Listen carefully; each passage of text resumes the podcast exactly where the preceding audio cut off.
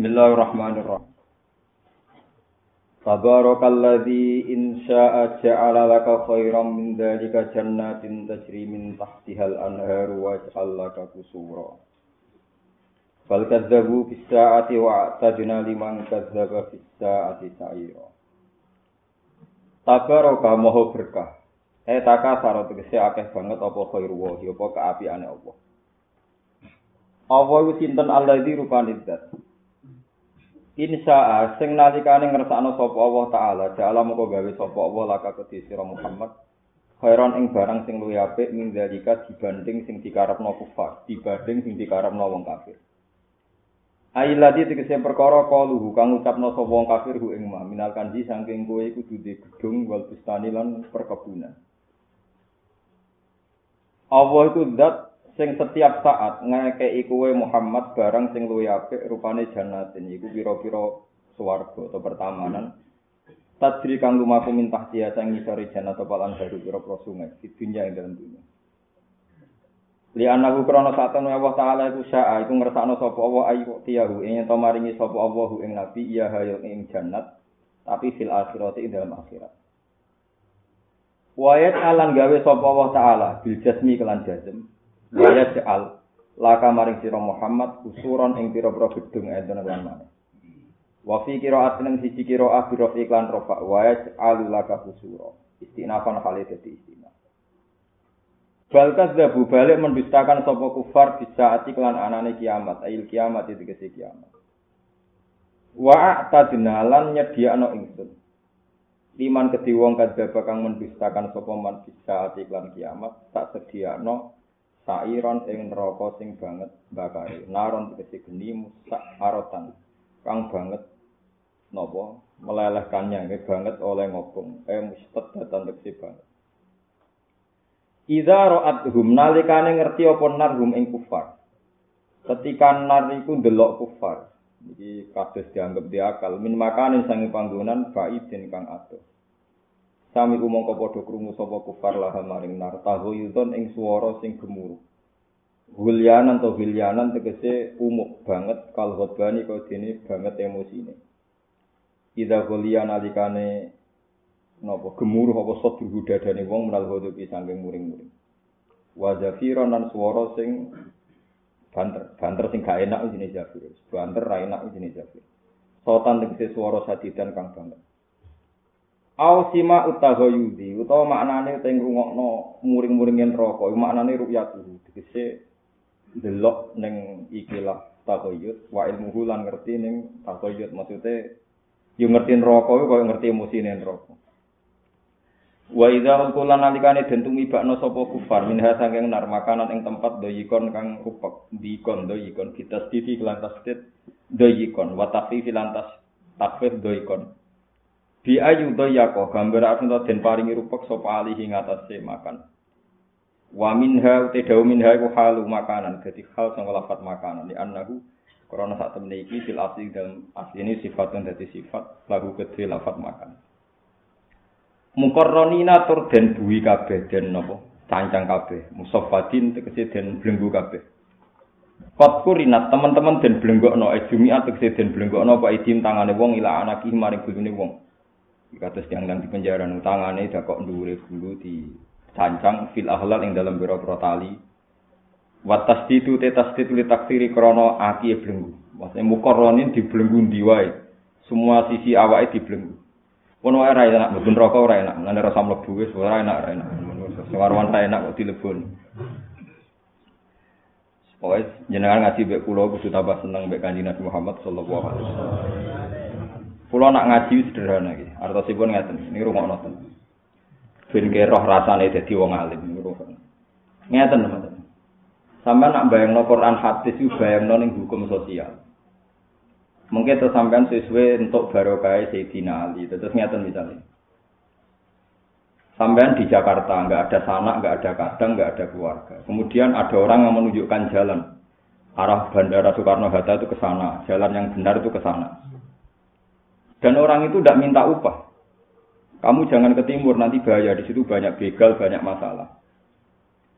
Jika Anda terus menuju bandara, terus ternyata itu benar. Dan ke timur memang betul bahaya, ada begal, ada apa. Tentu kalau kamu egois ya sudah pergi saja. Tapi kalau Anda ada egois, akan mensifati betapa baiknya orang ini karena sudah menunjukkan apa? Jalan. Dan itu Rasulullah Shallallahu Alaihi Wasallam. Kita diberitahu arah jalan neraka itu begini, arah surga itu begini. Makanya saya ketika baca hadis Miftahul Jannah la ilaha illallah kalau nangis. Nangis saya adalah kuncinya swarga itu mek kanjeng Nabi diduduhno. Kuncinya neraka ora. Lha kok ora dikuncine wong mlebu barang lopo. Jadi ini bagus, berita bagus. Kita ini tidak megang kuncinya neraka. Dua sama dua era kodok kulo tapi, tapi ini berita baik kan. Kita kuncinya surga dikasih tahu. Kuncinya neraka. Bahkan pintu surga kita dikasih tahu. Jumlahnya delapan. Bagi orang yang wudhu saya itu baca ini silahkan masuk dari pintu mana saja. Yang tukang poso lewat babi royan. Khusus orang puasa ini ini itu banyak sekali. Jadi kuncinya kita dikasih, jalannya juga dikasih. Kita tidak pernah diberitahu kunci nopo. Lha ora mau kunci ini kok mau barang itu. Tapi orang sing cangkem elek, oh mergo bukaan kabeh. Ora usah pintu. Wah, ya perkara. Oh, kok pesimis. Jadi oh itu bukaan, on time bukaan tapi ora usah napa? Pintu, ora usah kunci. Lah ya sama dia ya ora usah kunci mergo ora usah apa? Pintu. Wah, nek yo sudah bludus. Tapi paling ndak kan cara mlebu neraka itu kita ora ana carane kan karena gak diberitahu Kanjeng Nabi. Tapi cara mlebu swarga dikasih tahu. Gampang. Wong Nabi nak cara mlebu swarga itu gampang. Sama tak dudono hadis soka itu gampang banget. rohima anfun summa rohima anfun summa rohima anfun oh dasar irung elek wong arep pun ada sing dinyak kok irung wong si celoko wong sinten ya Rasulullah orang yang menemukan salah satu bapak ibunya atau keduanya kemudian orang itu tidak masuk nopo swarga jadi aneh dia tonggo yatim nang swarga ya aneh di bapak ibu atau salah cici orang bu swarga aneh Karena ini kesempatan tiket kita ke surga. Nyabari judisi ibu, ambil salah paham wong tua itu suwargo. Jadi gampang untuk masuk suwargo. Masalah yatim, gitu. Nabi Ana wa kafirul yatim kahate ini berjan. Saya dan yang rumah kafir. Anak yatim kahate ini nopo. Jadi sekian cara. Oh nak raiso kabeh turu. Ini cara terakhir. Ini hati sokan. Nak raiso kabeh. Jadi Imam Ghazali sebenarnya ibadah zaman akhir itu paling apik nopo. ketika Nabi ditanya, kalau saya tidak bisa berbuat baik, tuh ini dal hajatil malhuf. Pokoknya wong sing butuh tulung tulung kue. Nak buatin sakit kalau dia melarat. Terakhir Nabi Dawud taku fusar anin nas. Fa inna hasada kotun mingka ala nafsik. Sementing dia nyalai wong. Jadi mau Jali orang nyalai wong dia turun. Melek ngerasani. Komentar turun. Nanti kalau nanti cerita bolak balik, ana wali tukang tahajud tukang ibadah bareng takok mengeran Gusti kula swargane mbek sapa jebule ditudono wong tukang turu karena nek turune iku diniati ben berbuat macam-macam turu tapi akhirnya yang ninggal kewajiban waya anak bojone butuh nafkah kok ya perkara tapi Sofyan Asauri ngendikan nak ana polisi kok turu riyen polisi ku ya nakal niki cerita riyen saiki ya rontok Ya ana sing akal sing ora mulai riyen macam-macam. Saroti nak terjemahane polisi surta. Nak ana polisi turu dolim, kok mbok gugah, iku sing gugah kena karak. Mergo nak melek mari polahe akeh.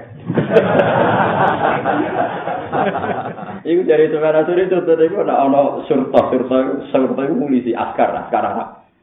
Iku nakal-nakal, iku nak turu mbok gugah, iku ora oleh perkara nih. Gara-gara sebenarnya mangkel dibantah, turune wong alim ibadah. Terus ana ulama sing luwih nakal. Wah, turune wong dolim yang ibadah. Lah piye kok ibadah? Ya dene ra dolim bedak turu iku. Mane ben turu wae.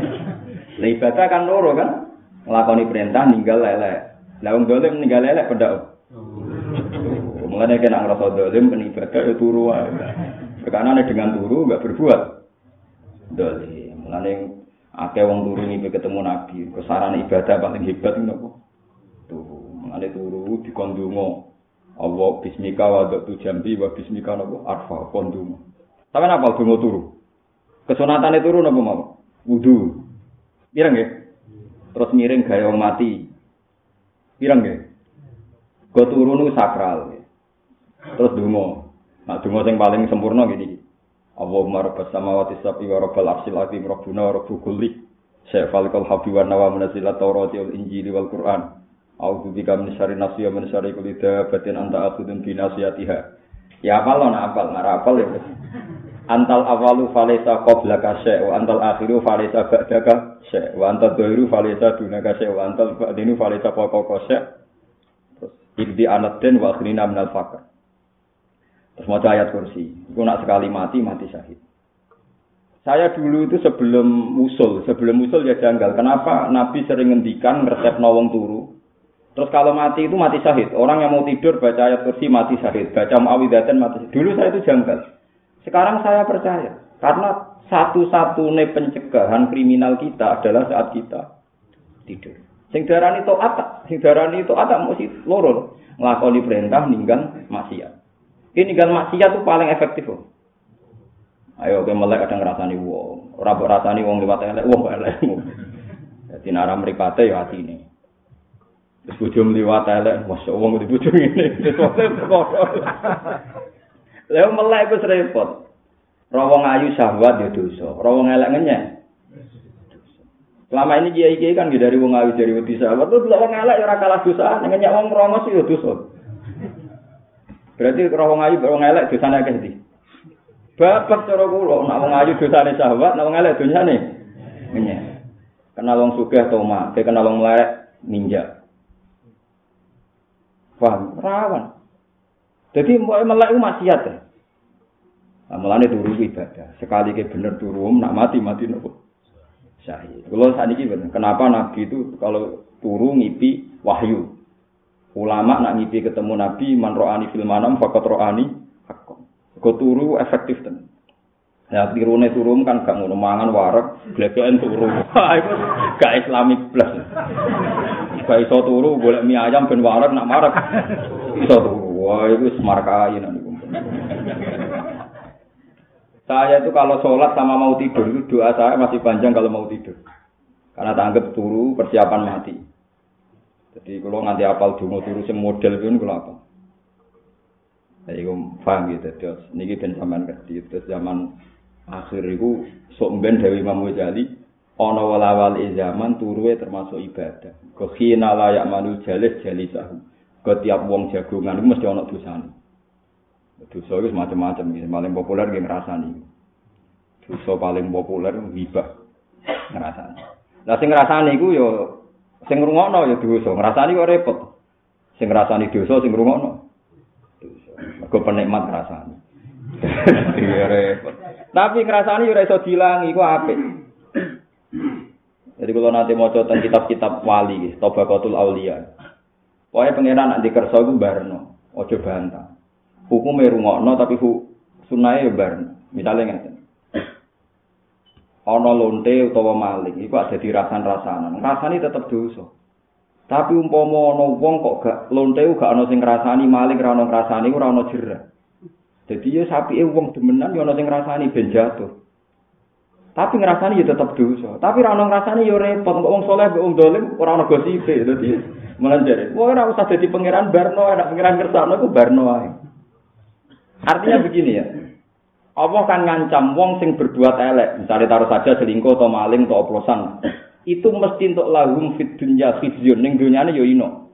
Inane mati ini dicibir orang. Wah mani mati pas oplosan, pas zino mati pas gini-gini. Harus dicaci maki supaya jadi khizyun, jadi kehinaan. Tapi mencaci maki juga haram. Tapi kira sama elok sing lakoni saja. Dadi kiai ku gue ora roh tapi ya roh. Eh, ora repot toh. Paham sih kalau maksud? Sama setuju juga ung dalam dirasani. Setuju kan harus setuju biar jadi hukuman dia. Namun udah jerani. Saya kira sama melok melok. Tapi ya gus, ya biasa ya malah jadi pangeran rasa rasa malah ada keputusan bareng. Nah, ini yang beda nih kulo jenengan, beda nih manusia bek pangeran ngoten. Jadi kalau nanti mau tentang kitab wali, pangeran kadung pinter, rasa buat tiru. Jadi sumur itu nak gede, peceraiannya gede. Peceraian itu mampu. Cara mereka nama peceraian. jemberan. Tapi pangeran iso ngelola peceran. Ditanduri mawar ya wangi, ditanduri serai ya wangi, padahal peceran. Engko iwak ning ngono, kuman ngono ya subur. Dikai welut ya dipangan ya enak. Ditanduri wit serai mawar ya tetep wangi. Nak manusa ora iso barang elek dikelola apik apa keran? Iso. Bariku dadi rabu. Ngene wong diharamno mangan tae. Tae manusa, tae ruhin dipangan haram. Tapi pangeran iso ngelola dipangan pitik dadi sembelih halal. Wis ngono tok. Ngono. Lah mangan daging pitik ku apa daging? Materine. Taek kan? Umpama materi dadekno haram pitik ra iwak pitik. Haram. Ora ulama darani iwak pitik haram. Lha iku contoh pintere pangeran. Jadi yo ngarapno taek, tapi pun aku pengen ngalalo dipangan pitik terus pitike dipangan apa? Mo. Nah, kalau nanti tanggal tiga, hukumnya mangan set itu Misalnya ono teknologi set itu gizinya kayak hukumnya bi. Yo haram. Ya supaya halal piye? Ya makan oleh terus makan gue. Iku wis padha wae mangan set. Lah carane pecaran suci piye gampang tanduri wit sere mbok tanduri apa? Mbok serene ora najis ana ulama sing darani nak ditandur ning pecaran ku serene najis ana darani ulama sabar. Lah ya malah dari Abu Nu'aim al-Asbani juga man niru pangeran. Pangeran kadung pinter barang elek itu dikelola dadi apik. Lah ora pinter iki elek iki apik nang pangeran. Lah iku manane khairihi wa syarrihi. Inna wa elek apik kok pangeran. Tapi pangeran iso ngelola barang. Barang elek itu iso dikelola dadi apik. Ku pangeran. Nah kowe ora iso. Paham ya, melani iman, iso khairihi wa syarrihi. Minallah. Jadi ini prospek yang lebih suarga kita orang roh kunci ini rokok tapi roh kunci ini Tapi ya orang mau sih. Macam orang nolak pintu mendeksi bukaan terbuka. ya repot. Tapi kalau jamin yang momen pun rokok ini gampang. Nopo liwatin ini gampang. Mau nanti Terus sebagian riwayat ketika ini fa'in nanar lang takul acara sujud. Neraka melete ini ngono iku ora bakal mangan bekase nopo sujud.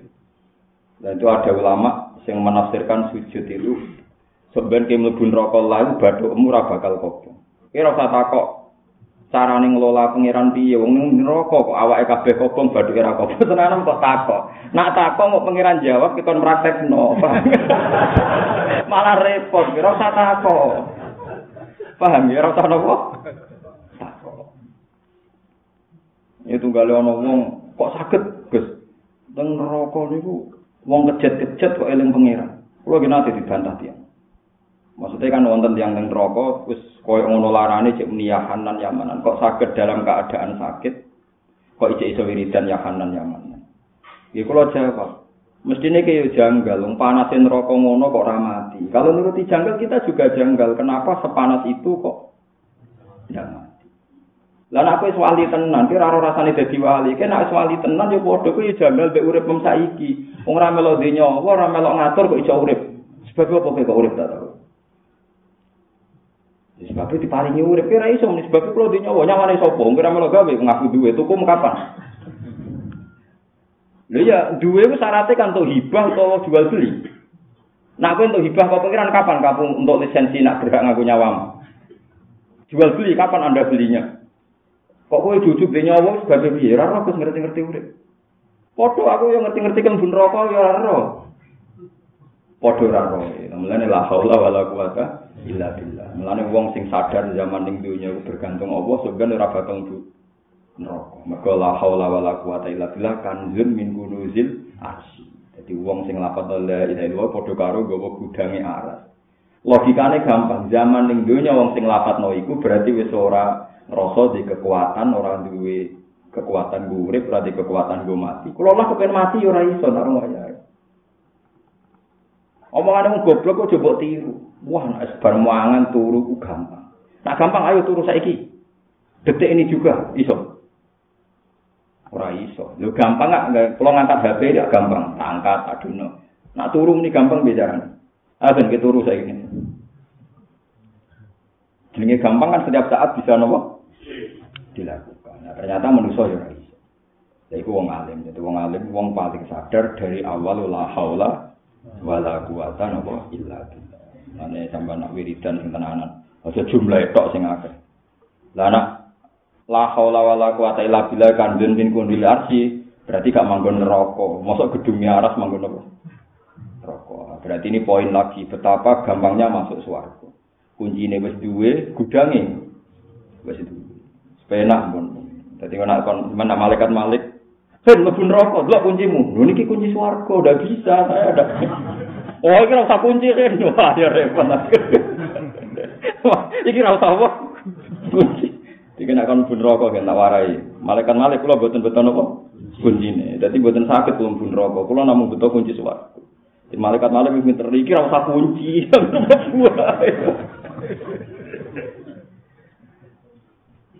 Lek kon rokok nak ra wong dolim wis emosi dijupuk. Dadi napa niku gak ada api-api sing siap jupuk wong kafir. Napa istilah intoliku ila dinding di salati syu'ab la dalili wala yuhni minal lahab innaha tarmi bisyarorin kal qasar ka'annahu jimalatun. Jadi malaikat itu apa neraka itu duwe pijaran-pijaran api sing saking emosine lepas sangka iduke dadi wus munggah wus munggah. Iku sebenarnya golek wong kafir. Alhamdulillah baru kayak kalimat tauhid kita ora termasuk wong sing diburu napa neraka. Alhamdulillah lah ora duwe napa kun. Tapi masalahnya mesti liwat. Lah liwat tak sampean liwat siratal mustaqim, lha liwat barang umat Nabi sing mboten nate dukun. Sing ra nganti khayal niku sebenarnya swargane miber, dadi gak usah ngliwati napa. Jadi ada 70 ribu umat Nabi, waduh 70 ribu ini saat ini pun sidik. dari sekian miliar umat Nabi itu kan ada tuh sapuna alfan min umati yadkhuluna al-jannah bi ghairi bisa. Niku ngliwati neraka kalbaratil khotib dan Nabi koyo kilat. Nah, niku hum layak tahun sing ora tau pokoke kuncine sing ora tau dukun. Yo ora tau tatoyur, tatoyur salib cablukan napa jenenge? Cicak. Wah, berarti apa musibah. Oh, iku neraka, ora oleh tatoyur. Wes pokoke nak keceblokan cicak, oh, gak lincah cicak. oh, cicak setruk ceblok dhewe. oh, tadi aku lagi bola balik bar ngaji malah dijajal pangeran keceblokan cicak. Ya kadang ya kula ge manusa kadang ngopo bener omah ning Jawa Tapi sesih bojoku sering tak omong, oh cicak hati-hati. Nanti ceblok berarti boten apa? Paham ya, mulai saya ingin anak cicak ceblok, anggap aja cicak apa? Hati-hati, kalau cicak loro setruk, jadi spontan. Mereka sekali tato jero, ora bakal mlebu swarga ini napa? Bisa. Sampai lunga lunga ae. Nara sido mergo ora dhuwit malah aja kok perkara ora cicak ceblok terus ora sido napa? Lah pangeran duwe seneng. Kenapa ora sido lunga? Boten dhuwit malah gampang. Malah apa? Tapi nak mergo ana cicak ceblok, hum layak tawun wala yatatayyarun wa ala rabbihim yatawakkalun. Terus niku tiang-tiang sing ku swarga bisa. Dan ketika ulama muga-muga pitung puluh ewu niku buatan adat permanen tapi saking banyaknya jumlah itu. Jadi kemungkinan kita masuk itu tinggi sekali, sangat-sangat tinggi. Zaman akhir mun lu ngaji mun kondang. Karena jenis warga ini kurang penduduk, terus ini peluang kita masuk. Kelirune swarga mau sitok ya kula. Mau sitok tok kelirune swarga. Ketika neraka dipenuhi dipenuhi kalian pangeran diisi makhluk-makhluk mulai manusia jadi takoki pangeran.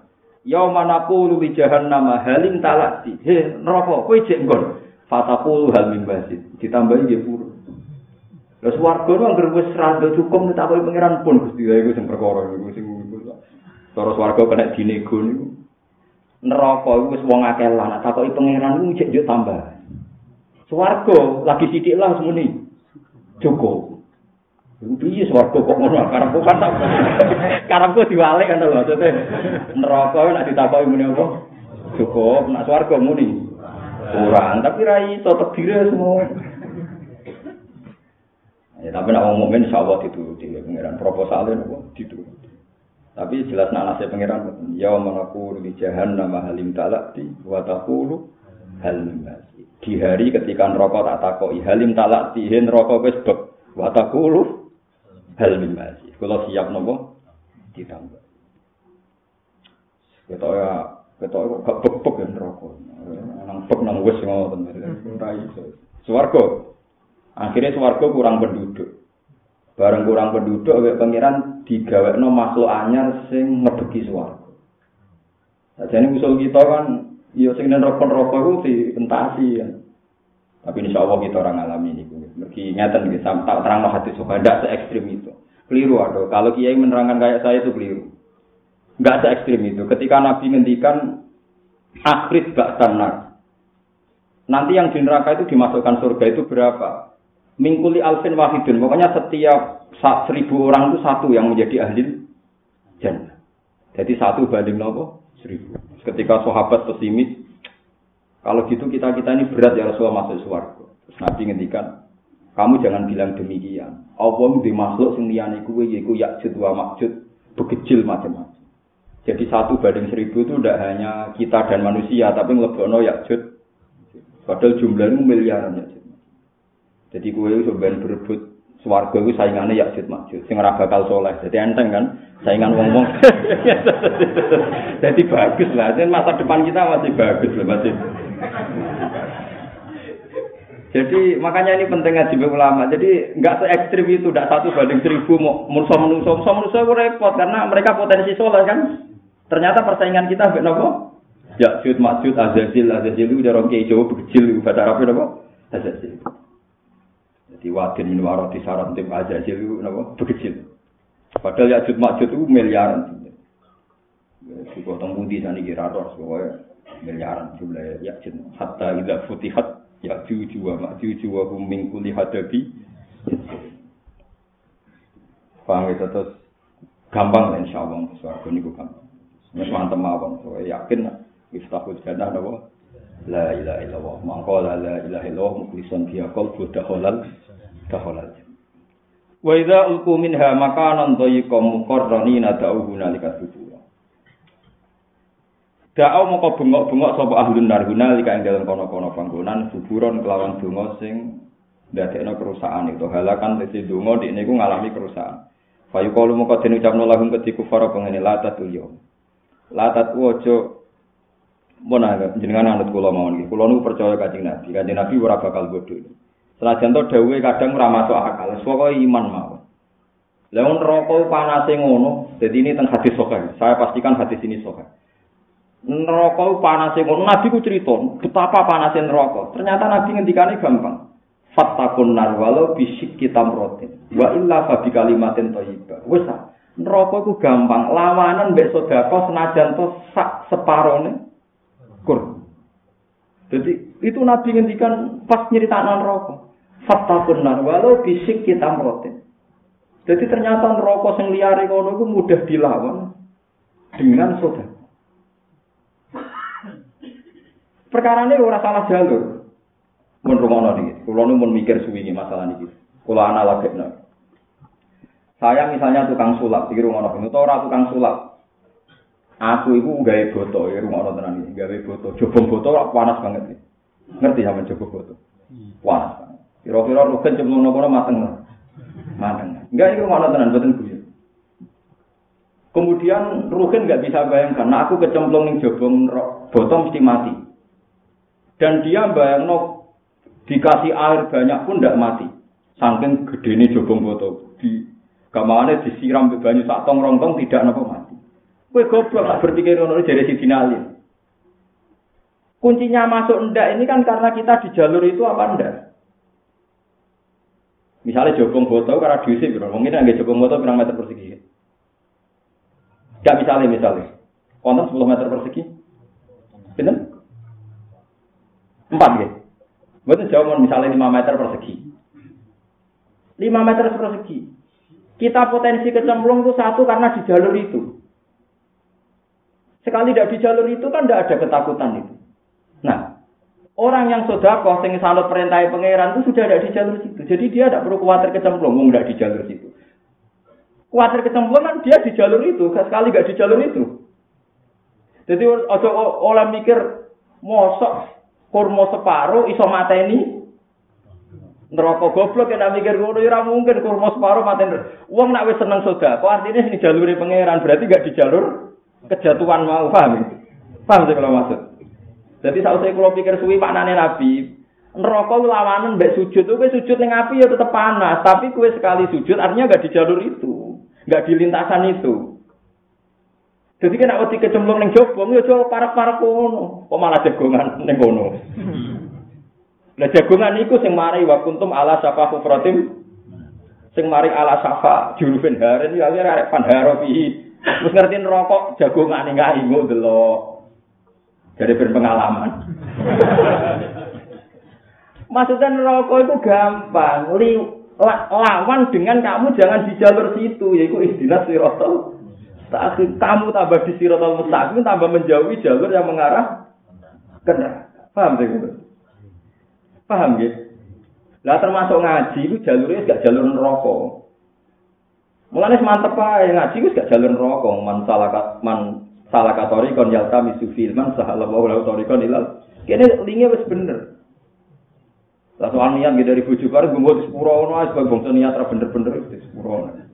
Tapi bener. Jadi melawan neraka itu paling efektif ketika Nabi, kamu jangan di jalur situ.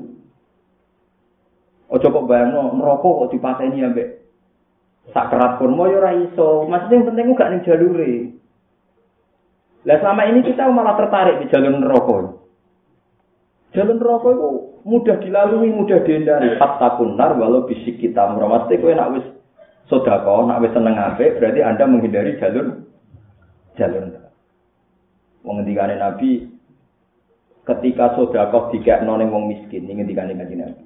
Sedurunge tumiba ning fakir miskin wis tumiba ning Allah, terus di rumah Allah nganti gedene kaya gunung Uhud. Kemudian dikenang jadi amalem nganti doa Iku ya mungkin perkarane jobong geni iki mau, rungokno nggih, jobong geni iki mau dikelola mbek wong. Terus wong iki nentokno di sing dilebokno mbek ora. Lah kuncine piye? Ya kuncine ki anut panduan wong iki cung kena aja parek-parek kene, aja parek-parek kene, berarti gak mlebu neraka. Nah, neraka itu dikelola pangeran. Nah, pangeran sering ngendikan, "Kowe aja parek-parek ning kene, iki nak dolan aja parek-parek kene." Berarti kita dijauhkan dari neraka. Mulane ana wong cerita neraka. Wah, neraka panas pitung puluh. Eh, panas geni. Dunia semua macam-macam. Sayyidina Ali liwat dipisoi. Wailah, jancuk wong. Dadi kiai kok jancuk emu. Nyifatin neraka kok serune ngono. Atak jizuan wasi makhlukin mislah. Watan sal khaliqan. Cek goblok iki. Lha opo nyifatin neraka serune ngono? sifati wae sing ngelola neraka rupane apa kowe gak ning kono anut pangeran gak ning kono. Cek seneng ambek bakat neraka. Ora bakat sing gawe neraka. Artine ngene lho kowe nyifati neraka dasar iku gunane apa? Neraka iku musakharah neraka iku makhluk sing diatur. Di mana sing ngatur Allah Subhanahu wa taala gawe aturan? Wong nek wis lomo iku waduh kon neraka wong nek sujud. Dadi kira usah nyifati serune Jadi saya kau jobong boto, kowe ora pengen ra kobong, ra kecemplung ya ora usah parek-parek kono. Aja malah nyifati. Apine panas, iki kekuatan panas sekian hari. Bahan bakar iki amen mbok tiliki wae yo kepleset. Ora usah inceng nak paham ya. Wis tinggal ngono wae. Mulane dulani ala amalin yuqribuni minal jannah wa yubaiduni. Maksudnya nak neraka wis bahaya didoyo aja digo delok. Delok, nek iku seneng delok neraka. Paham gitu terus sampai nak sujud anggap baik lewat jalur non rokok. Nah sodako berarti jalurin non rokok. Boleh ilmu di jalurin non nopo rokok. Gampang kan? Ya boleh suarga itu gampang. Di agama itu gampang buatan rokok. Jadi satu banding seribu itu termasuk ngelebokno yakjud makjud. Muka-muka yakjud makjud ini populasinya tinggi sekali. Itu nak nganti do kabeh repot itu karena nanti perbandingannya. Wah repot. Beda kabeh kan perbandingannya tambah kecil. Iku muga-muga ya jet masjid itu tambah wakil terus gudi gede jadi neraka cepet bek. Ah nanti akeh lah tapi cili-cili yo. Yo repot. Padahal masjid jari ini nopo? Gede-gede. Pemenang jenenge dajal jari ini kupingnya kena gue tururukan. Waduh, gede banget. Mohon wae, wae jenengan ngandel kula. Dadi riyen Kanjeng Nabi sering ditangani sahabat, dilani ala amalin yukorribuni minal jannah wa ibaiduni minan Nabi yang disebut halal kecil termasuk imatatul adza anitore misalnya ada barang ri ganggu ning dalan sampean singkirno. Sesuatu yang ganggu orang mukmin sampean singkirno niku pun pun dadekno mlebu napa? Swarga. Jadi gampang. Jadi wonten teng kene hati soha niku ana wong lanang wis warga gak diamal apa-apa. Mondek niku utawa ana wit rubah ning dalan terus diketok disingkirno ben wong mukmin iso liwat. Niku dadekno mlebu napa? Swarga. Wonten tiyang setengah nakal ana asu ngeleti dene ngerti lesu bareng diombeni mlebu napa? Swarga. Tapi agama ora iso mbok mafhum, ya mau. Nak kok apa? Ngromeni asu sitoke gajarane ngono nak ngrumat 100. Mulane agama ku ya repot. Ora dimabung dadi goblok. Dimabung ora lho hadis iku sokeh lho. Wong rumah asu sitok mlebu swarga sokeh. Tapi aja mbok mabung. Kalau satu saja bisa surga. Apalagi Itu kan Nabi contohnya kabeh hadis asu ning ngono ora pedes. Hadis yang kita bisa kan asu tau wedhus. Asu to? Wonten sing wedhus. Mau dok tak wedhus. Agama wis. Si agama wis. Tapi ra di rumah kok contohnya ketemu ning dalan niku. Eh tapi padha aku gak rumah Gus ngenteni ketemu ning dalan satu tak rumah kabeh padha wae. Sembo alam. Enak ning Jawa sing sakral kucing. Mobil itu nabrak wong kadang rapati wedi nakal-nakal. Nabrak kucing. Paham dados kula baleni malih ya. Bener Sayyidina Ali, kowe nak wedi neraka, aja nyifati neraka, ya nyifati sing gawe. Nak sing gawe iki ngatur kowe didokno ya berarti didok didokno. Padahal sing gawe neraka rupane Allah niku ngekeki dalan carane kita adoh saking neraka. Sebut apa ihdinas siratal mustaqim. Niku pun pun ngadoh. Mbon ngadoh nganti ra neraka. Ane nak terbang sing dhuwur, dadi ora kena wow. Pas neraka emosi niku boten ora radius ketangkep. Ah terbang dek-dekan pas neraka wow napa innaha tarmi bisarori kal kosor dadi pecahane neraka mbulate mendhuwur lah berapa puluh kilo. Nak terbang dek-dekan kan ya kesaut. Ati kesaut perkara. Ka annahu jimalatun sufar. Jadi ya, terbang sing radius aman. Ya kayak pesawat lah, tiga tiga puluh kilo lah. Berarti tiga ribu napa? tiga puluh ribu nopo kaki aman insya Allah Da'au huna lika tuburo la tatul yauma. La tatu ojo bengok-bengok siro al yauma ing dalam iki dina tuburo nek lan bengokan wahidan kang siji. Wat ulan bengok-bengok siro kabeh tuburon kang kelawan bengokan kasiron kang akeh. Ka azabikum kaya dene siksa siro kabeh. Kulo terus nabe cerita neraka dengan boten pati wedi. Dados ngeten kulo niku ngertos ngaji. Niki gue ini Dawe Sayyidina Ali. Saaki-aki ayat fattakunna. Iku si ayat, ake ayat fattakuni ya ulil alfa. Kena panjang duwe akal, wedi wabe pangeran. Ya wedi neraka itu disebut Quran tapi jarang. Yang sering disebut wedi pangeran. Mergo pangeran sing ngelola neraka. Artinya kalau pangeran ngersakno kuwe ora ning jalur neraka, berarti adoh banget sangka neraka. Mbok wedeni ku lha apa? Neraka iku makhluk. Ketika gak diinstruksekno pangeran mangan kuwe ya ora doyan kuwe. Padahal Allah wis ngekeki jalur iki jalur neraka iki. Dan neraka itu mudah dihindari tadi. Ittaqun nar walau bisik kitamro. Sebagian riwayat la tahkirun najaratun di jarot ya walau firsana satin. Pokoknya sementing itu sodako, terus sujud, terus ngelafat la ilaha illallah, la haula wa la quwata illa billah. Jadi kena anut sing dipandu pangeran berarti tambah anut tambah ngeduwi jalur nopo jalur nopo tapi nak sampean ranut ya mau wis takobal wa minamingkum dadi gampang. Lah niku wonten seorang cucune Nabi putrine Ja'far Sotik jenenge Aisyah Aisyah As-Siddiqah putrine Ja'far Sotik Iku nak ndonga ngancam pangeran nganti ngaten saking senengi saking iman ya Allah jika saya nanti masuk neraka maka kalimat la ilaha illallah tak eret-eret ing neraka. Terus malaikat-malaikat tak maki-maki. Iki lho ana kalimat sakral ini kok dilebokno neraka. Piye tanggung jawab? Jadi nanti gamane iku neraka kok ditantang. Kowe neraka ya gaweane Allah, aku ya gaweane Allah. Kowe wani ngobong kalimat la ilaha. Mesti rawani neraka. Mulane ngendikane Nabi, neraka rawani ngobong asar sujud.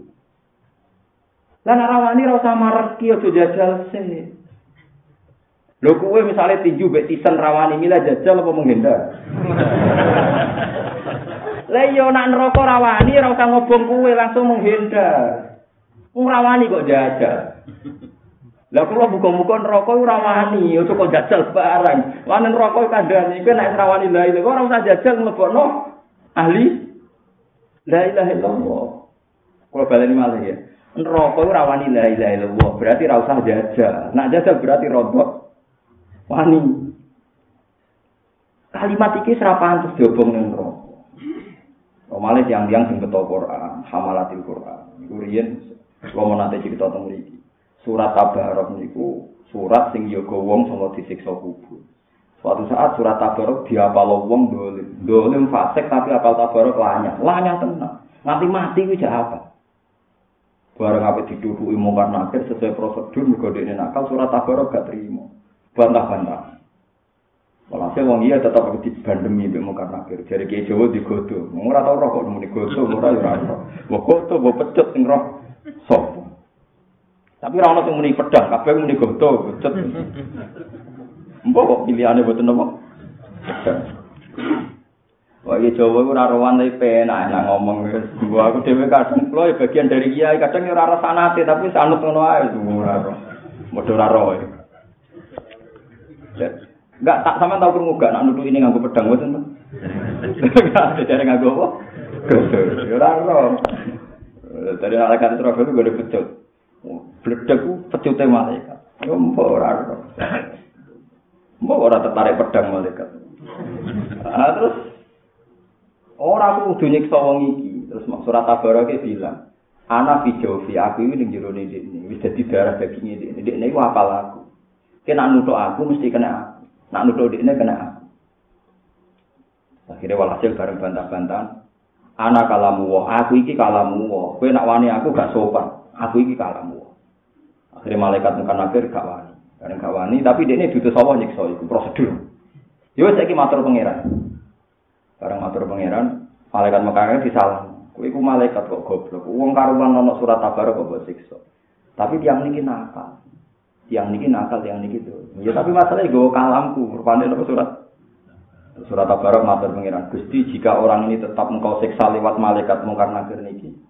Saya hapuskan mingkala mika. Aku rada di kalamu kau bukan pada yang gampang dari Jadi akhirnya terus surat Tabarok dikatakan surat wakiyah, surat munjia, surat yang menyelamatkan orang dari siksa kubur. Tapi syaratnya apal nganti mati. Masalahnya nak jatah disiksa kene ngono ku ya lali. Masalah perkara ini kan iku. Jadi wong ngapal Quran ora bakal mlebu neraka, tapi nek jatah mlebu lah lape mati. Lali. Jadi ben dites pengira. Barang dites sebab putra kemarin karmen. Padahal zaman itu sing mane lanya. Tapi delak lah iku nak ape mati ya lali nak jatah-jatah. Padahal tes-tesane iku nganti mati eling. Mana kau cuma PD pasti maan tak sebenarnya cek tes kedua, di tes pangeran. tes pangeran sebab ini wa akhiri wal asri ya. Wati ini wati itu nuju wa tawasul hakki wa tawasul bil sabr perkara akhir illal ladzina amanu wa amilus sholihat. Ora pala gum ajru tapi lawo wa tawasul bil hakki wa tawasul bil sabr. Oh, itu Jibril paling tersinggung. Ini saya nurunkan tidak begitu. Tambah semangat nyeksa. Oh, ini berani merubah Quran apa sih antum? Ngomong ya yang bulat agak ingkar Rasulullah SAW dan faidam komitun. Wajah tak tuduh yo komitun menang. Serawan tuh, serawan tersinggung malaikat malaikat. Ada sampai minimal kalau suwon nggih kanca-kanca sing apal Quran minimal lu nate setor pangeran fi salat mung teng dunya. Nah kula pun nate iki kula tak hadis ini man. Wis pisan-pisan Pak. Mosok kowe ngapalno Quran bolak-balik semaan khatam tahu setor pangeran pisan mboten nate. Pisan-pisan Pak. Kalau dia nanti jajal itu 6 bulan, baik satu hari itu dua lembar setengah. Nah kalau lali, kalau balik nih, kalau lali, kalau balik nganti bener visolat, visolat. Di sama nak cerita ini kira usah tersinggung urusan setoran Quran yang pangeran niku kabeh ku fi salat. Niku tradisine Nabi para sahabat. Nganti ana zaman akhir jenenge dersan Quran niku ora fi salat. Tapi kunane kuno, nak sampeyan kepengen sing iki asli. Senajan tuh pisan-pisan tok lakon niku nak jenenge dersan Quran apa? Fi salat. Mulane ya ajuhal muzammil kumil laila illa qalila. Kon salat. Nisfahu awingkus minhu qalila. Au zid alaihi wa rattilil Qur'ana tartila. Jadi anggere jenenge tartilan Quran iku dhisik kunane kuno mesti fis fis salat. Mulai itu sono sebagian kiai ngelakoni tartilan tiga terawih. Mereka kunane kuno zaman Nabi nggak mau Quran tilawah ini ku bisa lah. Lali ane sholat ku Quran dipraktekno. Maksudnya amalia, tapi nak niat geresan itu bisa. Mulane pakai Quran itu ya ibal muzammil billaila illa qalilan nisfahu aw inqus minhu qalila. Auzid alaihi wa rattilil Qur'ana. Nah, terus Nabi praktekno. Ketika meraktekno ya Quran ku salat. Inna rabbaka ya'lamu annaka taqumu adna min sulusai laili wa nisfahu wa sulusahu wa ta'ifatum min alladziina sak terus terus alima an saya kunu minkum mardo wa akharuna yadribuna fil ardi yabtaguna fadla wa akharuna yaquluna faqra'u ma tayassara minal Quran. Jadi agar Quran diwaca fis Terus masyur ke Sidina Utsman, agar bunyi khataman Quran fis. Terus nah imam kita Imam Syafi'i yang kedalu khataman Quran bisa. Jadi yang bermoto Quran tilawah itu bisa. Lah teng zaman akhir kalau pesan tentang kanca-kanca sing hafal Quran senajan to pisan ku nanti. Dhewean kesunatane ora usah dadi imam, nggih dhewean teng omah napa teng kamar. Ya nek pas bojo ora ngamuk lah soalnya pas kondisi apik. Nak bojo kamu ya prai, pokoknya kondisi kudu kondusif. Ojo menang-menang istiqomah tapi ora kondusif. Ora apik, pokoknya sing pas apa? Kalau nanti jajal niku hampir enam bulan, satu hari dua lembar setengah. Kalau nggak paham saya ulang. Kalau saya lupa ya tak ulang. Kalau nggak paham ya saya ulang. Imam Syafi'i itu nggak paham Quran itu hanya dua, lafaz dasar sampai kabudut nggak paham.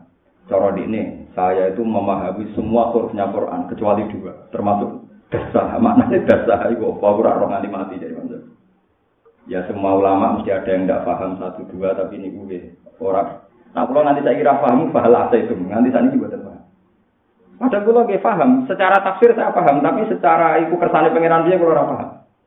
Maksudnya ulama rafaham, betul orang paham jenengan gitu, betul. Itu nggak paham deh, nah, cara prosedur tafsir paham dia. Tapi dia tidak paham, andikan soal pengiran, aku yakin maknanya demi demikian. Contoh gampang yang dialami Imam Ghazali. Dia pas baca ayat itu, limanil mulkul yaum lillahil wahidil dia tuh nangis. Ya Allah ini cibiran dari engkau. Masa saya memahami bahwa engkau punya kerajaan ini ngenteni dengan tengah akhirat. Ayat itu dohirnya kan nanti orang-orang di akhirat itu ditanya Allah. Sekarang kerajaan milik siapa? Terus mereka sadar. Lillahil wahidil.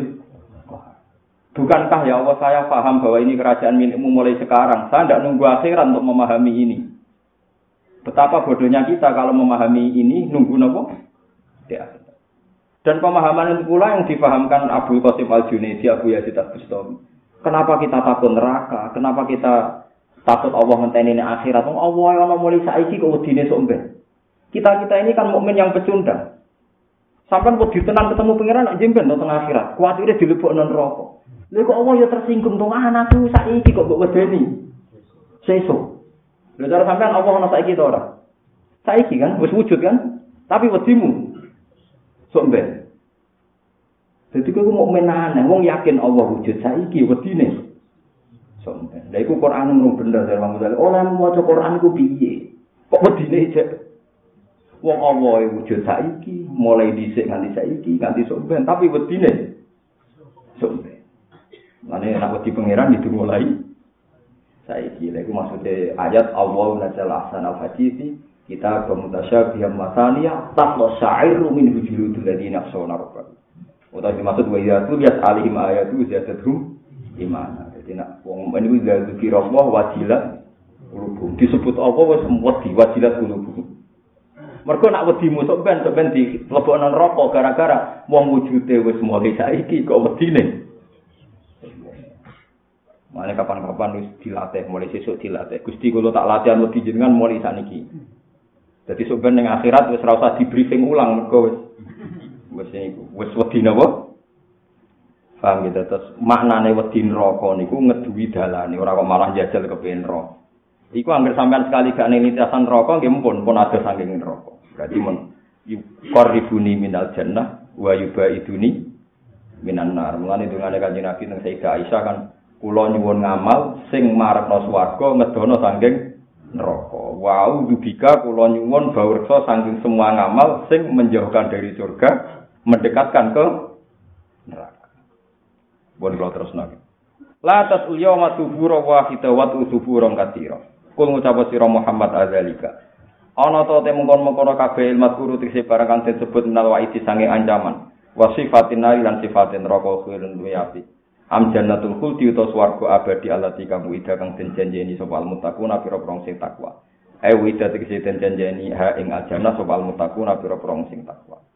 Jadi wong takwa itu bakal dijanjini mesti mlebu swarga. Kanat ana apa jannah lahum wong sing takwa fi ilmihi ta'ala ing dalem ta'ala iku jazaan dadi piwales tawaban tegese dadi kiwales wa masiron lan dadi nggon bali marjian tegese nggon bali.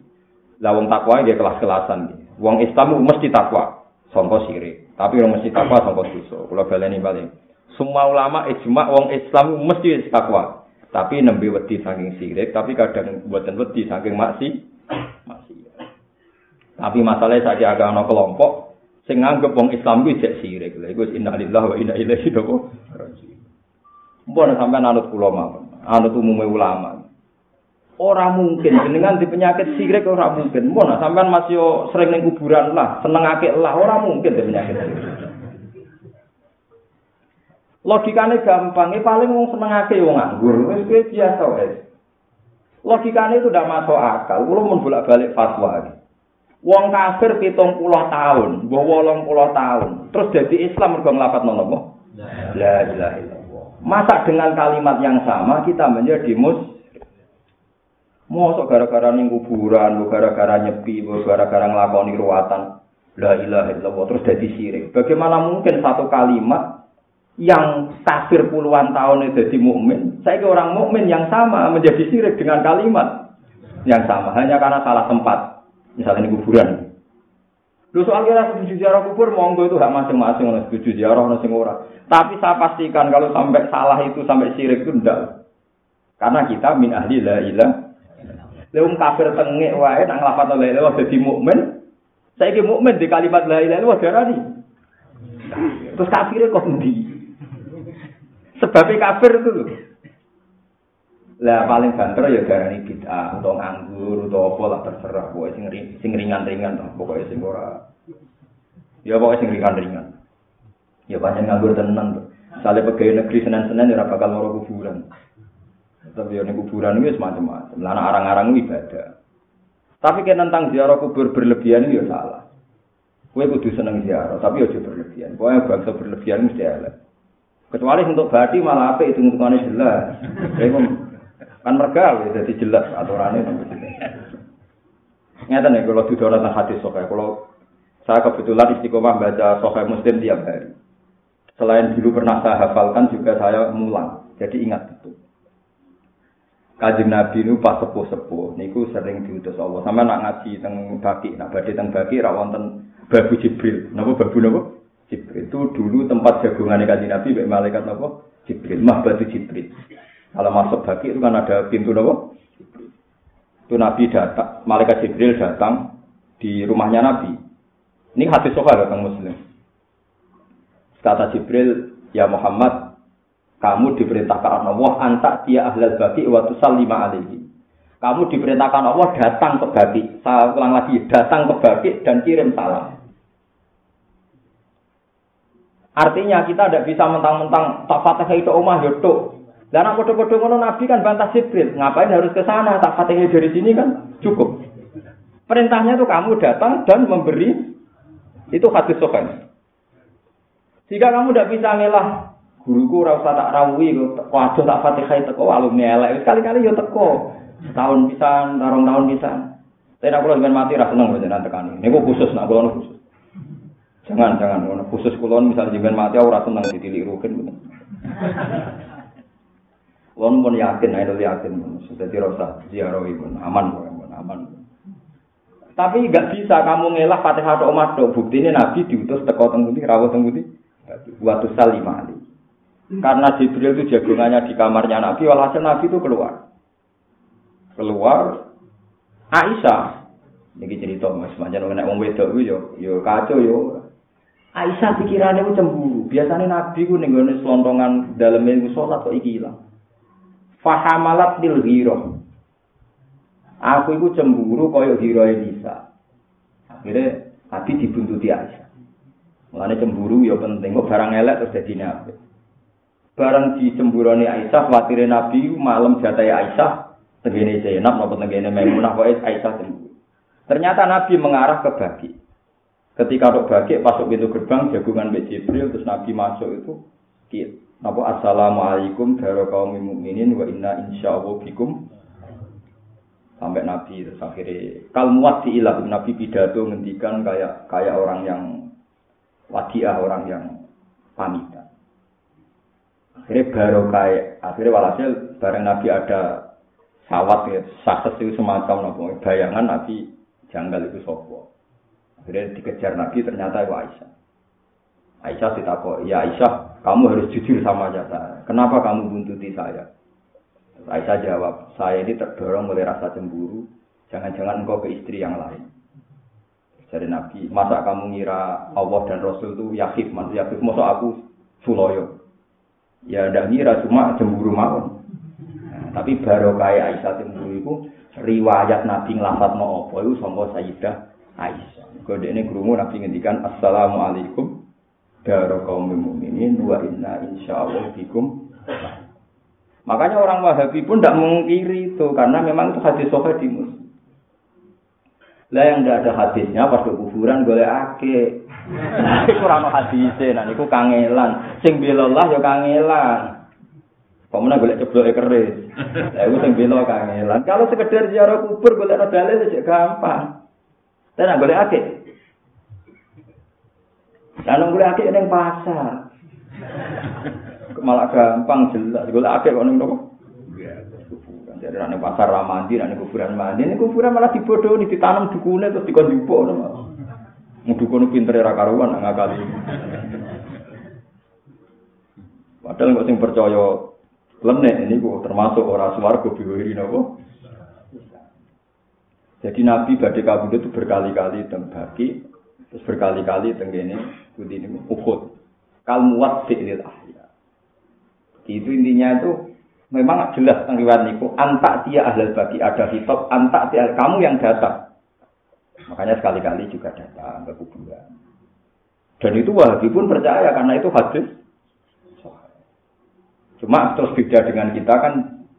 Lu coba kalau Wahabi tidak percaya kenapa di Uhud itu dibangun sekian fasilitas untuk orang menziarahi Sayyid Hamzah dan itu difasilitasi Wahabi.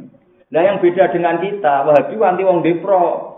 Wah terus lugu suwi mimpin tahlil, ya, Wahabi ras setuju. Saya tidak tahu tidak setujunya apa ketertiban. Nah misalnya nih gue daerah Meriko nggak diulai kasih macet ya. Tiap KBIH depro dewe-dewe sak jam. Wah, Mekah Madinah Macet. Nah, ziarah wali songo sak jam masuk ziarah Nabi sak jam. Mesti lima jam.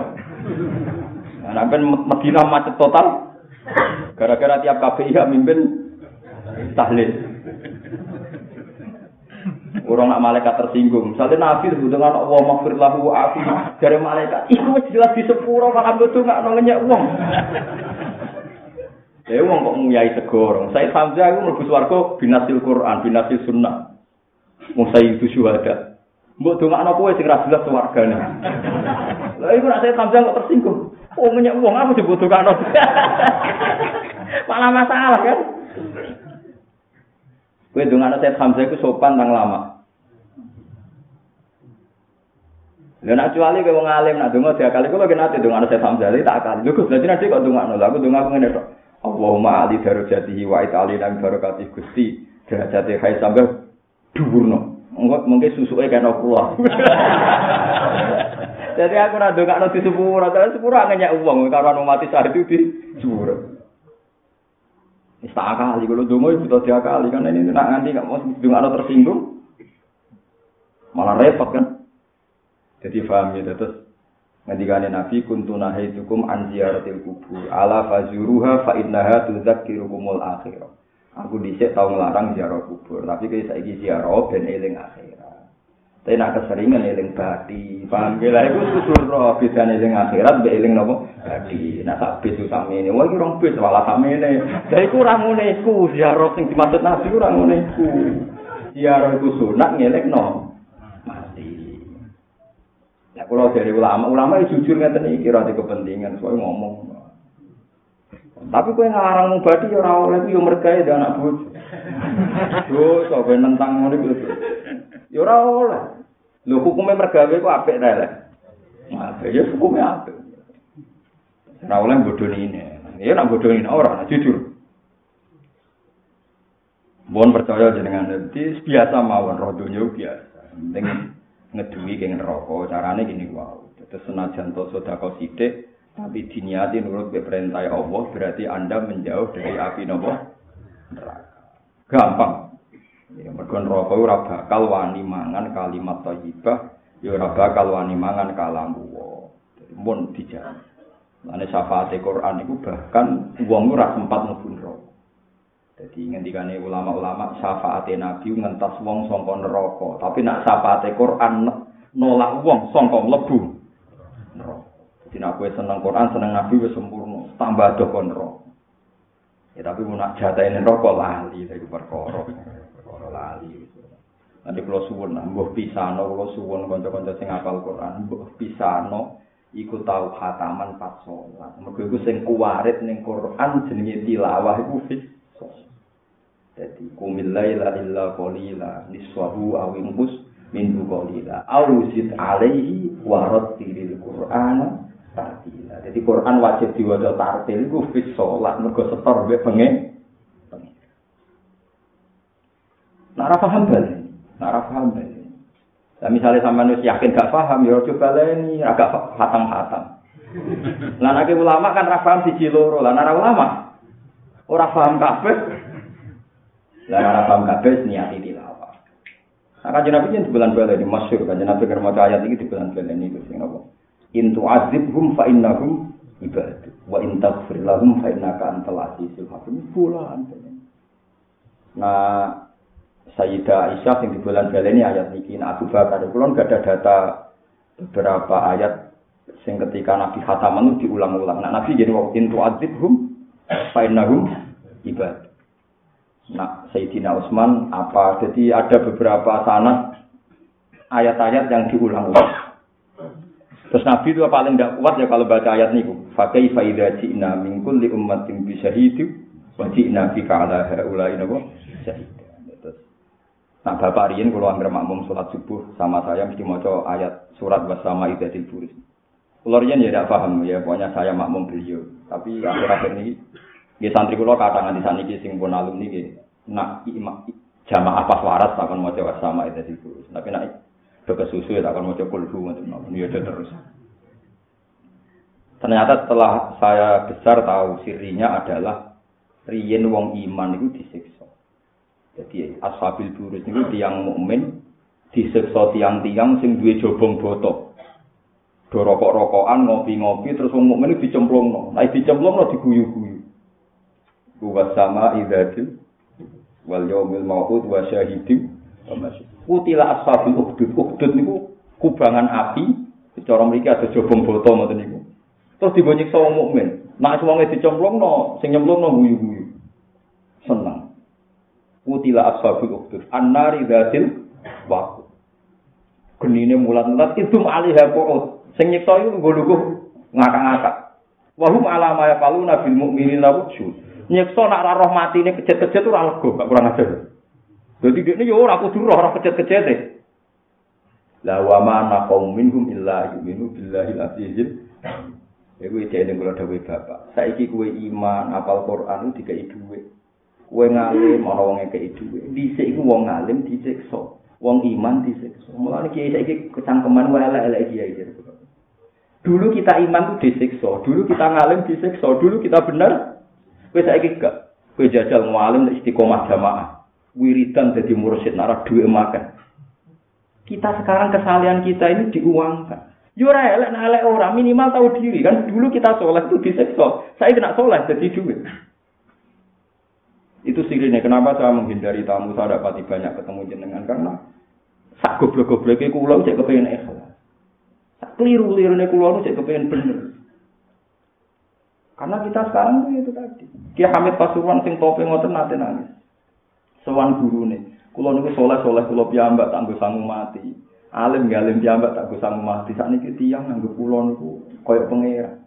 Terus duit kula kata. Jadi gurune salam dhewe met urusanmu.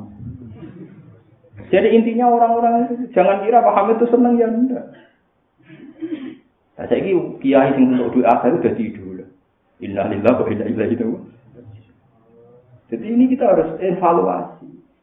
Bukan, bu, tidak haram, tidak, tidak haram. Pun nah, duit itu enak, bukan, bukan haram, tak jamin. Tapi tahu diri, orang-orang dulu itu iman disiksa, soleh disiksa. Saya kena soleh. Boleh wayuannya gampang, terkenal soleh. Nah, itu sing ditangisi para ulama. Rian sahabat sing sepuh-sepuh, sing menangi futuhat, termasuk Abdurrahman bin Auf, gak dari wayate. Abdurrahman bin Auf itu donyane kena nggo mangan wong sak Madinah saking sugih. Niku diwakafno ning Nabi hampir semua, cuma Nabi tidak kerso.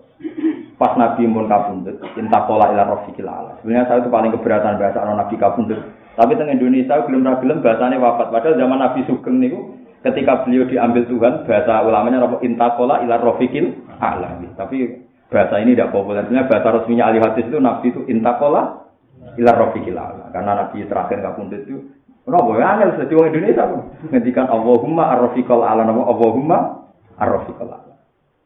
Abdurrahman bin Auf itu menangi futuhat sehingga dia kaya raya.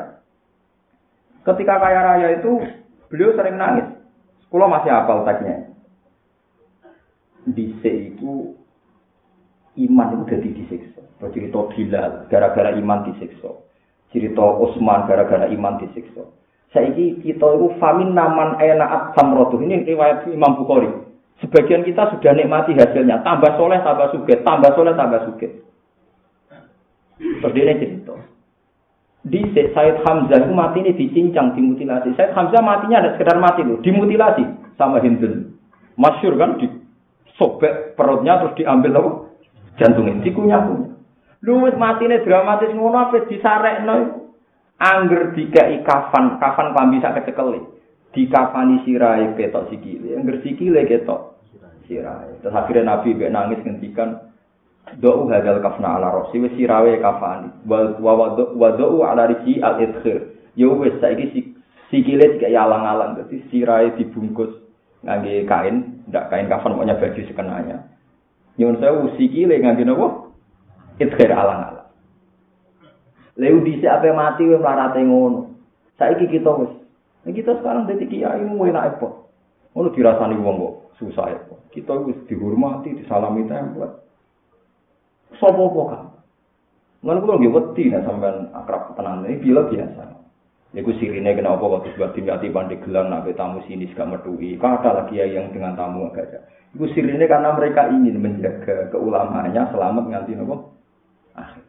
Tapi ada semua kiai kayak gitu. Banyak kiai yang milih ramah karena kiai umat Nabi. Kata Mbah Mun, Mbak Arwani dia ramah. Tapi ya terserah masing-masing. Terserah niat nopo. Nah, kalau milih tengah-tengah. Kadang ya ramah, kadang ora wis parunan Tapi mun kula kula akali lah. Ning kula teng dunya di pekerjaan, sira-sira pantes urip. Ya anak bojo kula kula didik, bojo kula ya ora dinosaurus, ora gajah, dadi mangane ya ora akeh. Tak mikir ngoten, kula riyen dinosaurus sing mangane akeh ngono wae ya kelar urip, gajah mangane ngono wae ya kelar urip. Meneh wong wedok di piring. Dadi orang piring ra iso ngakeh mangan sik gobloke ya maksudnya niku. Dadi paham ya. Dadi ikhlas harus kita. Disik gara-gara iman wa ma minhum illa yu'minu billahi azizil hamid. Mereka itu mendapat siksa hanya karena iman. Saiki karena hal yang sama kita untuk nek Tapi saya kecangkeman itu buang kune, saya kecangkeman itu. Ya gitu, gara-gara ngalim, gara-gara apa, jenazah kok ngarep. Bari ku sanggup paling akeh, cek dihormati.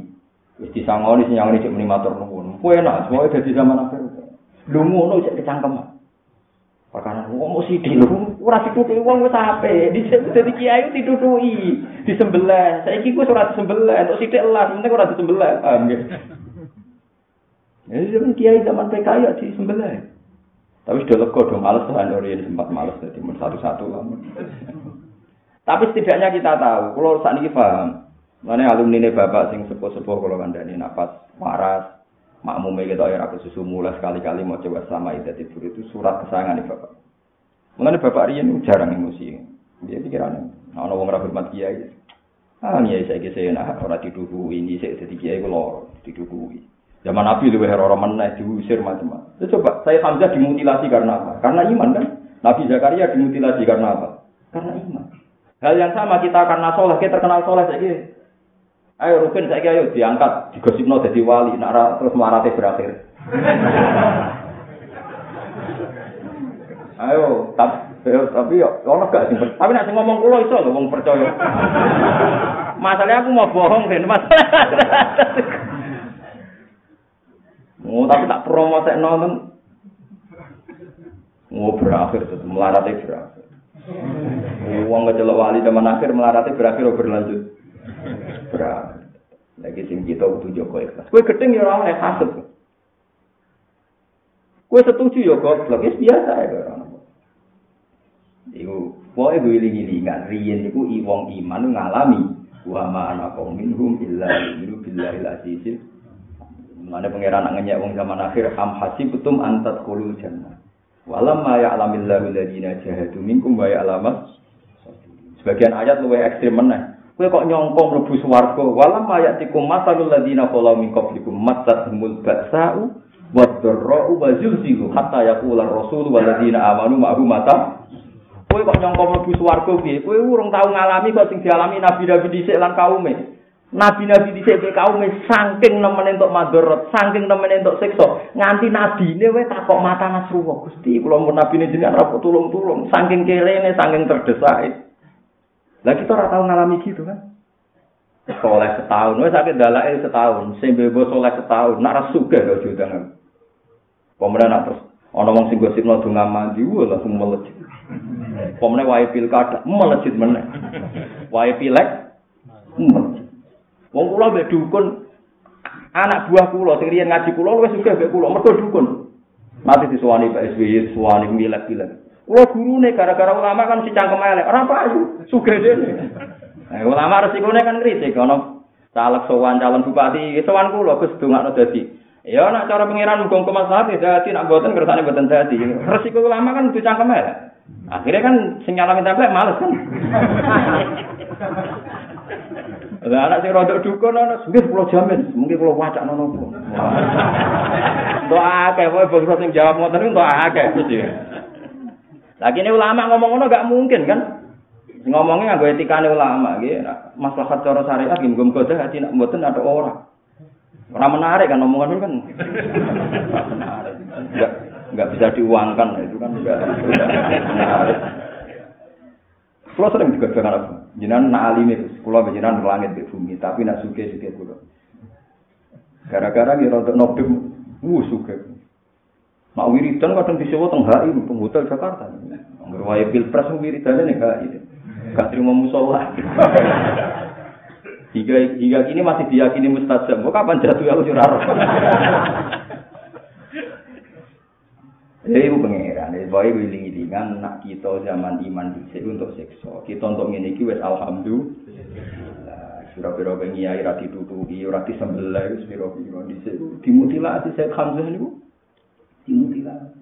Mereka iman, jadi kutila asfalul ukhdud an-nari dhatil waqur. Itu ma'alaiha. Mana is kejat-kejat diguyu-guyu.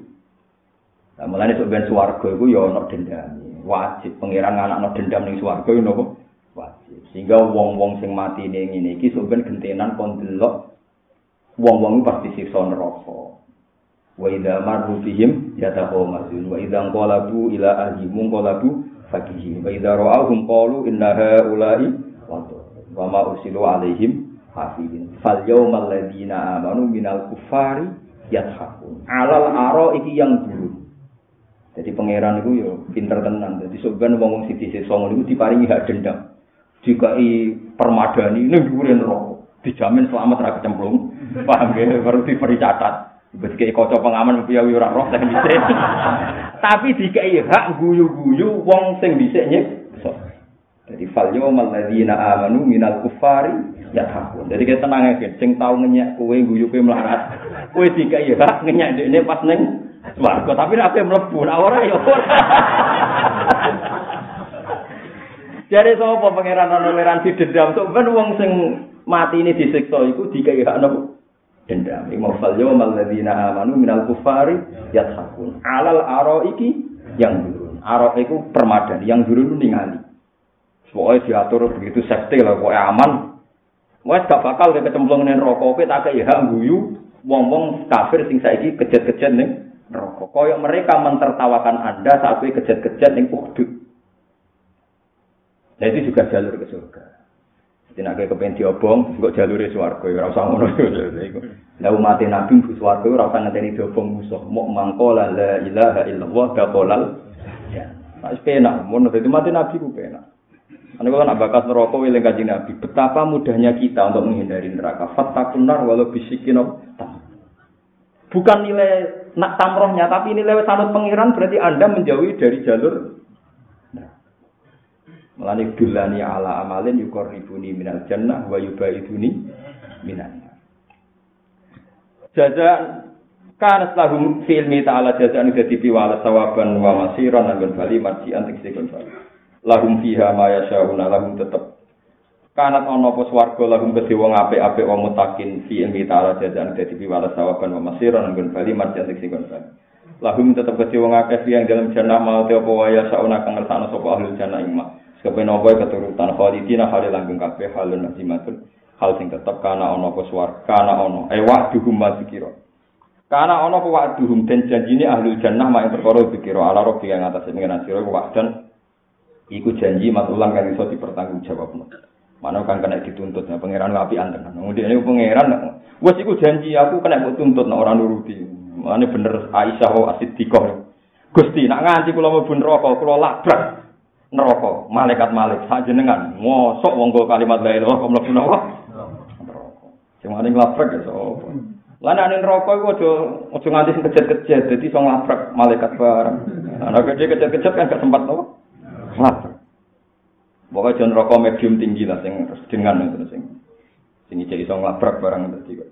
Ala robi kawak dan janji masulan kang den iso ditakok no mesti dimintai bertanggung jawaban janji ini Allah ini kias alu takok uto jaluk hu ing hadal waktu sopaman wong wida kang den janji sopaman bihi kelan hadal wakti Robbana wa atina ma wa atana rusulika Robana do pengiran kita wa atina kula aturi maringi panjenengan kita mak perkara wa kang janji panjenengan kita ala rasul iki ing atase utusan panjenengan. Atas alu utawa jalukna lahu ing waat lahum kedua ngake sapa malaikat malaikat rupane malaikat ndonga kanggo ngapik-apik Robbana wa adkhilhum jannati adinin wa attahum wa man salaha min abaihim satrus. Jadi intinya kita iku enak. Terus niki sebagai nopo? Kulo nginjang insya Allah badan ngaji, terus kulo malam selasa badan ngaji, terus hikam sing biasa ngaji hikam kulo ngaji nginjang, nopo e, senang nginjang. Ki kulo mun nopo pas pada acara ini bapak kulo. Di kulo pesen ya, pokoknya agama ini gampang. Kue ranjaluk sepuro, wis jaluk sepuro be para malaikat. Alladzina yahmiluna al-arsha wa man hawlahu yusabbihuna bihamdi rabbihim wa yu'minuna bihi wa yastaghfiruna lil ladzina nabo Rabbana wasi'ta kulla syai'ir rahmatan. Jadi kita niku wis enak. Malaikat ning langit bumi rino wengi njalukno sepuro wong sing iman. Mulane sing penting iman kita ini kita jaga. Angger iman mbok jaga iku dengan sendiri niku ora niat donga wae malaikat donga. Ini donga niku malaikat ning langit bumi donga wong sing iman. Mergo kita iman wis aneh, mulane kula mboten pati seneng nek wong mukmin sering donga ora pati seneng. Sing penting ngaji. Dengan ngaji ku imanem tambah. Nah imanem tambah malaikat langit. Mergo malaikat ku roh imanem ku wong aneh. Wong ora roh pangeran langsung kok iman. Ora roh swarga neraka langsung kok iman. Mane masyhur teng hadis sahih. Malaikat dinyek lah pangeran. Kowe iman kene apa? Wajar kowe roh aku roh swarga neraka. Tapi nak wong-wong iku gak roh swarga neraka. Kok iman? Jadi iman kita mbek malaikat iki. Hebat kita wong ora roh kok iman. Mulane malaikat akhirnya kebebanan kon ndongakno wong sing iman padahal gak roh. Sing ndongakno ora malaikat papan bawah alladzina yahmiluna al-arsya wa man khalahu malaikat hamalatul apa? Malaikat papan atas. Dungo, Ben kita di sepuro dosa. Di sepuro. Rabbana wasi'ta kulla syai'in rahmatan ilman faghfir lil ladzina tabu fattabu sabila kawaqihim adzabal Jadi kita didongakno. Sebagian dongane waqihimus sayyi'at. Jenengan jogo tiang-tiang saking mlebu neraka. Wa man taqis sayyi'at yauma idzin faqat niku nak sekedar iman. Ketambahan jenengan ngalim ora usah istighfar wis ora apa-apa. Sak dunya jaluk Wa innal alima la yastaghfiru lahu man fis samawati wa man fil ardi hatta khitan fil bahr. Wong alim sak langit sak bumi kabeh dongakno wong alim sebut sepuro pangeran nganti iwak-iwak ning Tapi tidak ada alim barang repot toh nek malah tambah repot. Tidak repot kan yo. Nek kon mungkin wis lemes ono syarat alim wis tidak ada repot. Lalu kau jogeman di ruang alim, Pak jadi istighfar. Yo tuh tiru aku semantep jaluk no sepuro. Wong sak langit bumi khatal khitan. Jadi ingatan ini ceritanya, tapi sampai rasa Tapi ini cerita hadis sohe. Suatu saat ada halakoh di masjid. Yang satu bakat halal haram. Wah, ini ki haram, ini ki halal, ini ki carane tawaf sing bener. Ini ki carane tawaf sing salah, pokoknya bakat ilmu. Yang satu neng masjid itu itikaf mendungo, ya Allah, kalau paling ingatan, ya Allah paling ingatan. Ketika Nabi masuk masjid, Nabi dengar semuanya yang ini ya takallamu nafil halal wal haram, yang satu ya tuh nampo. Tapi aja tiru aja lebok nanti, itu niki kalau mau cerita. Senengannya kok tersinggung, kok caci Nabi ngomentari, kulon ala khairin. Semuanya itu baik. Mergo iktikaf kemungkinan loro sing sitok ndonga sing sitok bagas nopo tapi amma haula fayat unabuha ta'ala insya ajabahum wa illal mana mereka itu hanya berdoa ya tepat-tepatan nak Allah ya kerja nyembadani nak ora ya ora tapi wa amma haula fayu alimuna nas al khairah mereka itu orang-orang yang mendiskusikan kebaikan halal haram Wa inama itu ma'aliman aku tugasku jadi nabi yo mulang halal haram. Akhirnya nabi bergabung sing mulang. Mulai nak wong alim tenan iki nyuwun sewu ya rada ati jarang dan perkara ini wis bingung. Paham? Jadi kan jangan aku, senane kok anut wong alim. Maksudnya nak kula rapati wiridan aja nurut, senane kok. Gus Pak ora tau wiridan cangkem, aku ora tau wiridan yang pangeran terus. Senane kok anut sing gampang. Paham ya? Jadi Nabi akhirnya gabung. Lalu gua merasa nonton tenan. Kalau ngerasa nonton kasus toa. Kabeh wak kotak. Segi empat. Sepakat ya. Kabeh segi empat. Terus Hajar Aswad itu sanggup aja cara memiliki sisi nopo. Cara nyontok Jawa paling gampang apa ya? Sisi wetan lor apa lene gitu. Gak cara wong perasaan yang Jawa. Wetan gitu lho lor. Gitu wetan. Mau ora ora mau nang kono bingung. Tapi wetan sepakat ya? Tenang tau ora?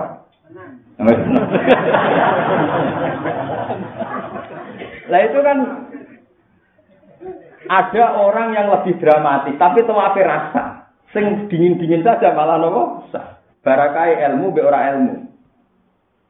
Begini kan syarat sahnya tawaf menurut semua ulama nih. Dari Hajar Aswad itu kan jailan al an yasari. Jadi posisi Ka'bah harus di sisi kiri kita.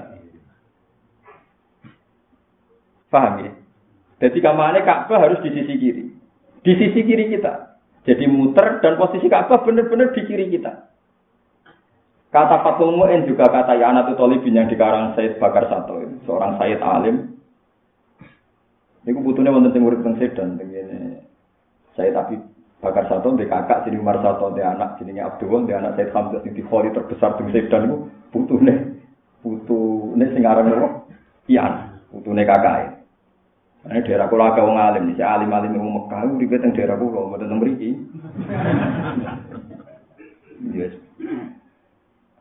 Ini gak ada nyewa mohon gampang tuh, ini pemain transfer. jika, makanya ini pertanyaannya, jika ada orang dramatis menjadikan Ka'bah bena sodrihi, saking dramatisnya, itu tidak dihitung toa, dia harus ngulang, kalau tidak toafnya tidak sah. Jadi misalnya Ruhin wah sanging senengnya Ka'bah di koloni, terus maksudnya dadanya ditempel no Ka'bah, terus jalan merayap itu tidak sah karena berarti Ka'bah ada dari sisi kirinya, tapi pas nopo dadanya. Padahal kesannya kan lebih dramatis kan mergo dempes Ka'bah. Misalnya dadanya fisiknya ditempel no Ka'bah terus jalan merayap. Itu tidak sah karena Ka'bah tidak posisi kiri. Maka kalau melakukan itu dia harus mengulang, mengulang yang dia salah atau tidak sah. Mulane tawaf apa sing gak dramatis. Lah kadang wong awam sange dramatis seneng. Napa? Nempel dodo teng napa? Ka'bah. Sebenarnya ndak harus jailan al an yasari. Jadi kita jadikan Ka'bah tetap sisi kiri kita. Lalu baru kayak ilmu lah. Zaman Nabi itu didiskusi ana napa didiskusi. Lah ilmu itu cek ditampa ra ditampa tetep Allah seneng. Mergo Kanjeng Nabi tukang mulang halal haram. Tujuannya Quran diturunno ya al farik benal halal wal haram. Nanti kula nu jarang. Tapi kalau nak kasih khatam mriki gitu, ngiling-ngilingan itu itu penting. Tapi ya aja sering ngiling-ngilingan sing penting ngomong halal. Jadi sampai sebenarnya halal haram didominasi tiang-tiang liberal dia yang ada halal ada haram tapi di taru ala bohil tapi kita tidak memang ngomong sering. Jadi kalau nu suwon tenan, jadi bakas ilmu penting. Lah anak wong alim bakas ilmu tenanan, terus ikhlas. Wa innal alima la yastaghfiru lahu man fis samawati wa man fil ardi hatta. Wong nak ngalim tenan ikhlas, iku sak mbinyo langit bumi ndongakno nganti iwak-iwak ning Nah, ini rasa niru wong alim sing jarang istighfar, itu istighfar dhewe. Senane kok niru Jadi tapi ini giling-gilingan. Ya karena tadi kadang hukum niku buatan masuk akal mestinya cara teori kan sing dempes no dadane ini Ka'bah luwih sah mergo dramatis. Tapi ternyata sing sah niku sing jailan al baita napa? Aniasa. Iki sing muter. Paham ya kula suwun kok wong alim ngomong terus sing ana sanate tok Rasulillah ngeduin rokok itu cukup sedekah senajan to sithik, cukup sujud. Bukan karena ini melawan neraka, tapi setelah Anda mengikuti jalur itu, berarti jalur ini menjauh dari neraka. Berarti Anda harus melakukan ini, korribuni minat jannah, wa yuba iduni nabo minat. Pun